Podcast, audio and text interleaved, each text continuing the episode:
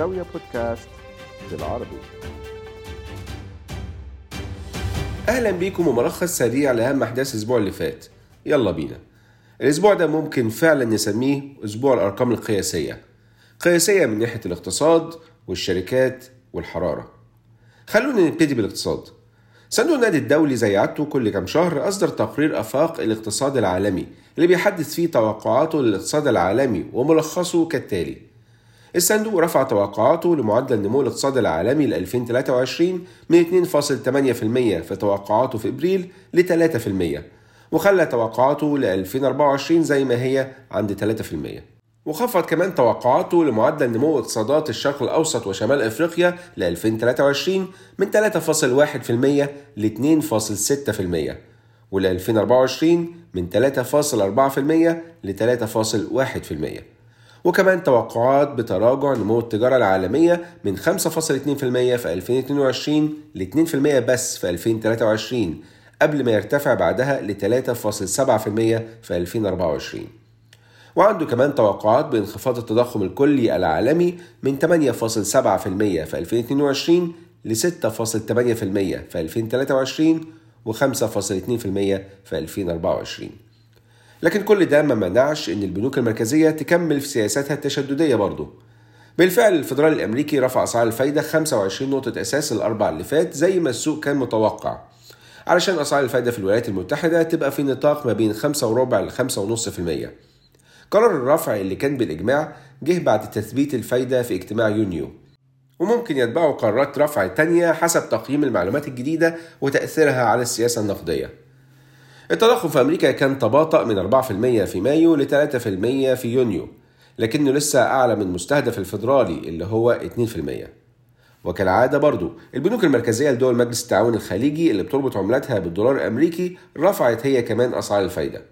البنوك المركزية في السعودية والإمارات وقطر وعمان والبحرين كلها رفعت أسعار الفايدة الرئيسية ب 25 نقطة أساس ده حتى بنك الكويت المركزي اللي بيربط الدينار الكويتي بسلة بين العملات مش بس الدولار رفع هو كمان أسعار الفايدة ب 25 نقطة أساس.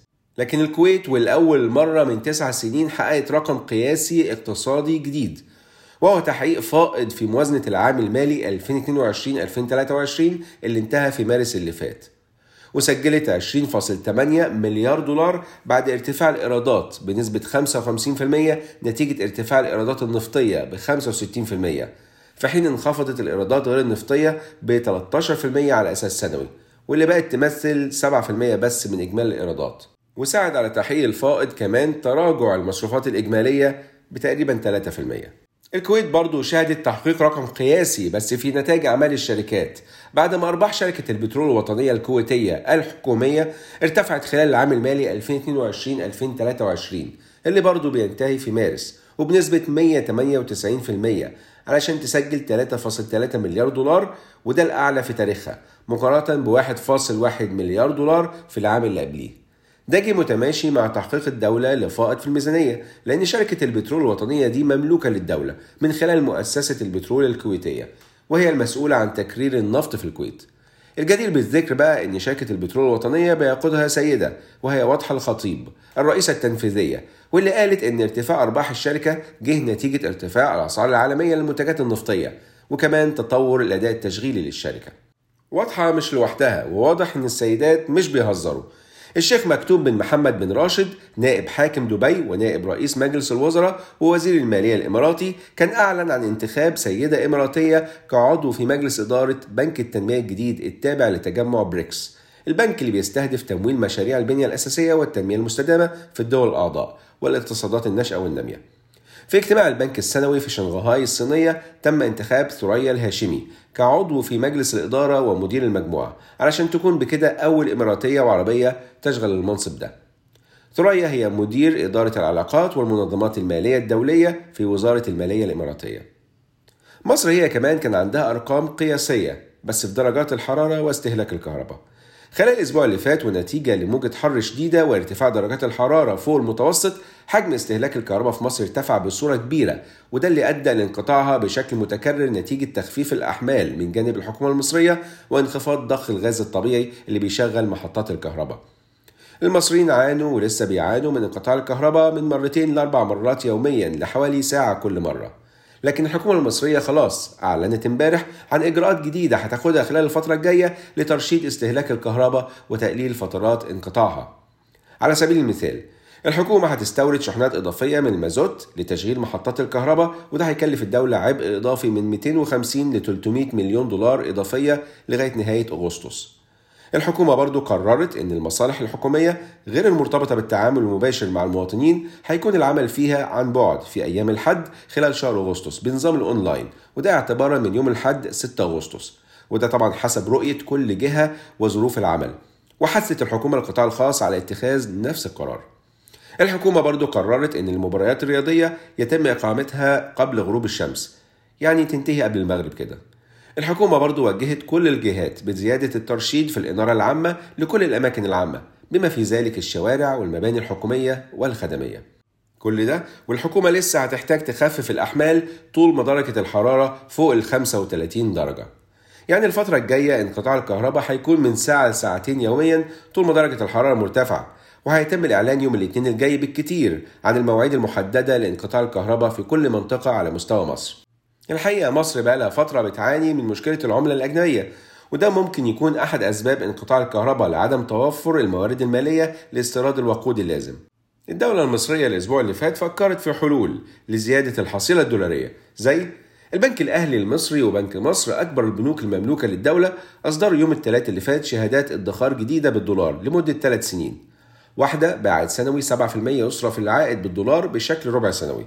والتانية بعائد سنوي 9% لكن العائد بيصرف بالجنيه المصري عن الفترة كلها مقدما يعني 27% من قيمة الشهادة عن إجمالي المدة.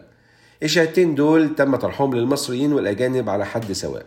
حل تاني الحكومة المصرية فكرت فيه؟ هو السماح للمصريين في الخارج اللي كانوا سافروا بدون أداء الخدمة العسكرية الإلزامية اللي هو التجنيد إنهم يسووا وضعهم التجنيدي بشكل نهائي مقابل 5000 دولار أمريكي أو يورو. وبكده ما يكونوش مهددين بملاحقة قانونية ده غير إنهم مش هيعرفوا يجددوا جوازات السفر إلا بعد تسوية موقفهم من التجنيد على العموم سداد المبلغ هيكون على حساب بنك مصر فرع أبو ظبي الرئيس المصري عبد الفتاح السيسي كان طار لروسيا علشان يلتقي الرئيس الروسي فلاديمير بوتين مع انعقاد قمة روسيا إفريقيا في سان بيترسبرغ اللي حضرها زعماء ورؤساء من عدة دول أفريقية.